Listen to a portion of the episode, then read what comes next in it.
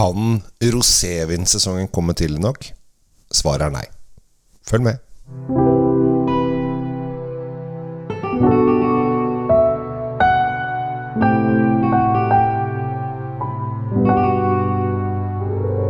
Hei, hjertelig velkommen til eh, nok en episode av eh, Kjell Svinkjeller. Håper at uh, stemninga er på topp. Vi har jo fått en liten sånn uh, vinter to, i hvert fall når denne episoden her uh, spilles inn. Det er begynt å snø igjen. Vi trodde jo at nå kommer våren. Eh, bare fordi det kom noen solskinnsdager. Men det, så lett er det ikke. Det kom jo, kom jo både vinter tre og vinter fire, og kanskje vinter fem. Jeg husker eh, Det er ikke så mange år siden det var to meter snø på 17. mai i Tromsø.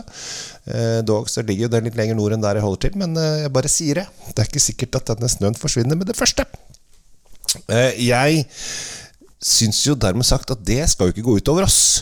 Vi må jo få lov å nyte våre eh, roséviner for det. For at rosévin er Det har nesten blitt en sesong for det, eh, samtidig som det har blitt en helårsdrikke. Eh, sesongen er, føler jeg, april, mai og litt juni. Altså rundt 17. mai. Altså Ting som er rosa, passer veldig bra med 17. mai. Og alle de solskinnsdagene og deilige vårmåneden da liksom ting begynner å å virkelig godgjøre seg, da, da, begynner bli, da begynner det å bli flott. Og da passer det veldig godt med rosévin, syns jeg.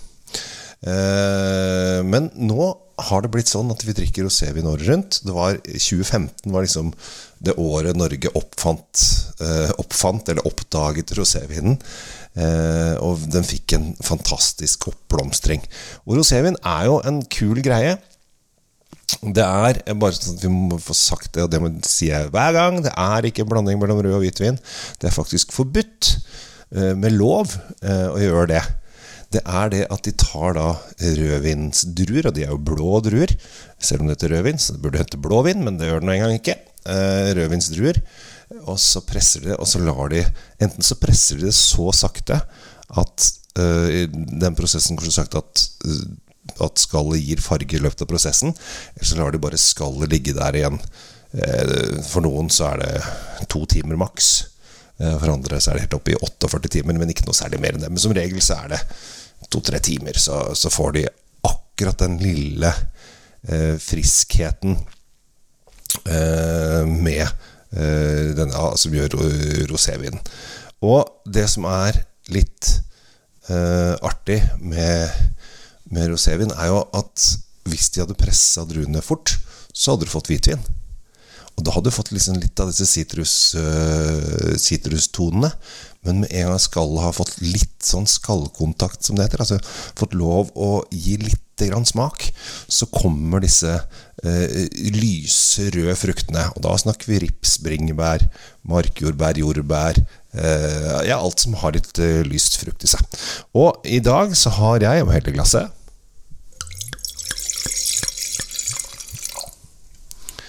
I dag så har jeg da funnet en fantastisk eh, kul produsent som jeg, jeg, liker mer og mer. Jeg synes, altså det, er, det, er, få produsenter jeg sier at nesten alle vinene er gode.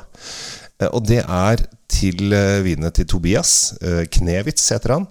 Og han har lært eh, å lage vin hos Philip Kohn, er, og det er litt morsomt, for Philip Kohn er husvinen min eh, på tysk pinot så drikker vi ofte Philip Kohn. Kjøper ofte det. Eller Wittmann har han også lært, uh, lært gått i kurs hos, eller lært å lage vin hos de to. De er kjempeflinke. Også sammen jobber han med kona, Corina. Og broren hans heter Bjørn, selvfølgelig. Eh, kanskje han Jeg vet ikke hvor gammel han er. Jo, det vet jeg kanskje. For jeg har hatt lunsj med eh, Tobias og Corina når de var i Norge sist.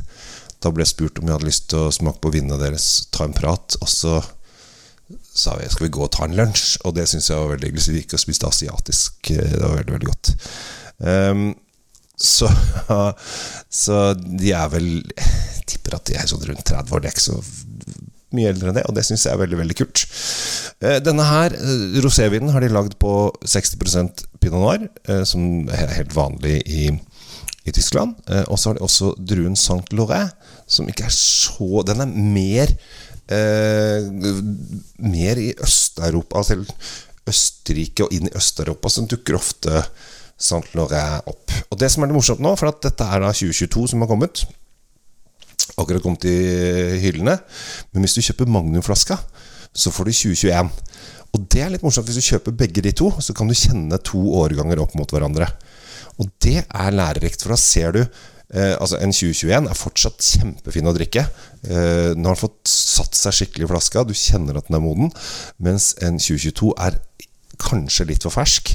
Eh, bør kanskje ikke drikkes med en gang, bør kanskje vente til mai. da eh, For den har nettopp blitt tappa og kommet seg inn i landet, og er helt i det ferske, ferske laget. Og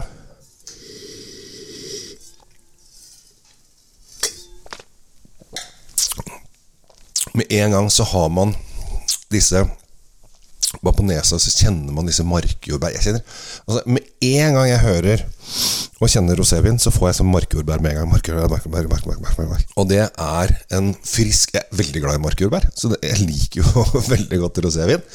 Og det er veldig mange som sier ja, men rosévin det er jo sånn der dustete greie. Eh, og det, det, det, har tatt lang tid før liksom nordmenn har begynt å sette pris på rosévinen. Det er jo en ferskvare. Det er Stort sett så skal du drikke den inn i innen halvannet år. Um, rosévin skal ikke spares på, for den blir ikke noe bedre med å lagres. Så dette er gå og kjøp med en gang. Kjøl den ned, drikke. Det er den prosessen du skal gjøre, og den prosessen er veldig lett å, å gjøre også. Og den har disse friske sommertonene som er helt fantastisk når du sitter ute på plenen, og helt, ting har begynt å blomstre. Eh, krokus og ja, Jeg er ikke så veldig god på sånne planter i hagen, men eh, kanskje noen skudd her, og kirsebærblomstring og ja, alle sånne ting som folk eh, syns er Syrinene! Å, oh, ikke glem syrinene! Syriner lukter faktisk ganske godt, jeg skal innrømme det. Men jeg hadde en mormor som snakket om syriner hele tida. Veldig glad i syriner. bare så det Det er der de har satt seg. Men rosévin er friskt, deilig, leddrikkelig. Eh, upors. Altså, det er folkelig, eh, leskende eh, saftig, friskt og deilig. Så lenge du ikke får disse grønnskjærtonene, som man absolutt ikke får i denne her, og så lenge det ikke blir helt sånn tutti frutti eh, jordbærfisk, eh, da snakker vi om godteri jordbærfisk, eh, så har rosévinen eh, en, åh, en god plass i livet mitt.